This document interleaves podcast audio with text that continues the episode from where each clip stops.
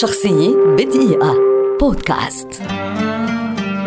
غييرمو ديل تورو مخرج مؤلف ومنتج سينمائي مكسيكي ولد عام 1964 ويعد أحد أبرز المخرجين على الساحة السينمائية العالمية في وقتنا هذا. درس في مركز البحوث والدراسات السينمائية بجامعة غوادالاخارا وبدأ بتجربة كاميرا سوبر 8 الخاصة بوالده عندما كان في الثامنة وصنع أفلاما قصيرة باستخدام ألعاب Planet of the Apes وأشياء أخرى. وحصل عندما كان في سن الثالثة وثلاثين على ميزانية قدرها 30 مليون دولار من شركة Miramax للأفلام لتصوير فيلم Mimic وذلك في عام 1997 تنقل ديل تورو طوال حياته المهنية بين الأفلام الأسبانية الشخصية ذات الميزانية المنخفضة مثل Cronos و The Devil's Backbone وأفلام شكلت عماد الصناعة الهوليودية مثل Blade 2 و Hellboy 2 The Golden Army أنتج ديل تورو الأفلام أيضا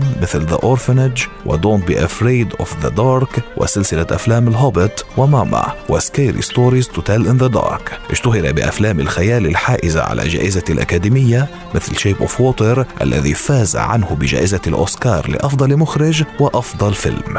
اتسم عمل ديل تورو بصلته القوية بالحكايات الخرافية والرعب مع محاولة لبث الجمال البصري أو الشعري في القبح لطالما انبهر بالوحوش والتي اعتبرها رموز القوة العظمى. عرف أيضا بتعاونه المتكرر مع الممثلين رون بيرلمان ودوغ جونز وهو أيضا صديق حميم مع زميليه المخرجين المكسيكيين ألفونسو كوارون وأليخاندرو جي إنياريتو. ويعرفون مجتمعين بأصدقاء السينما الثلاثة. شخصية بدقيقة. بودكاست.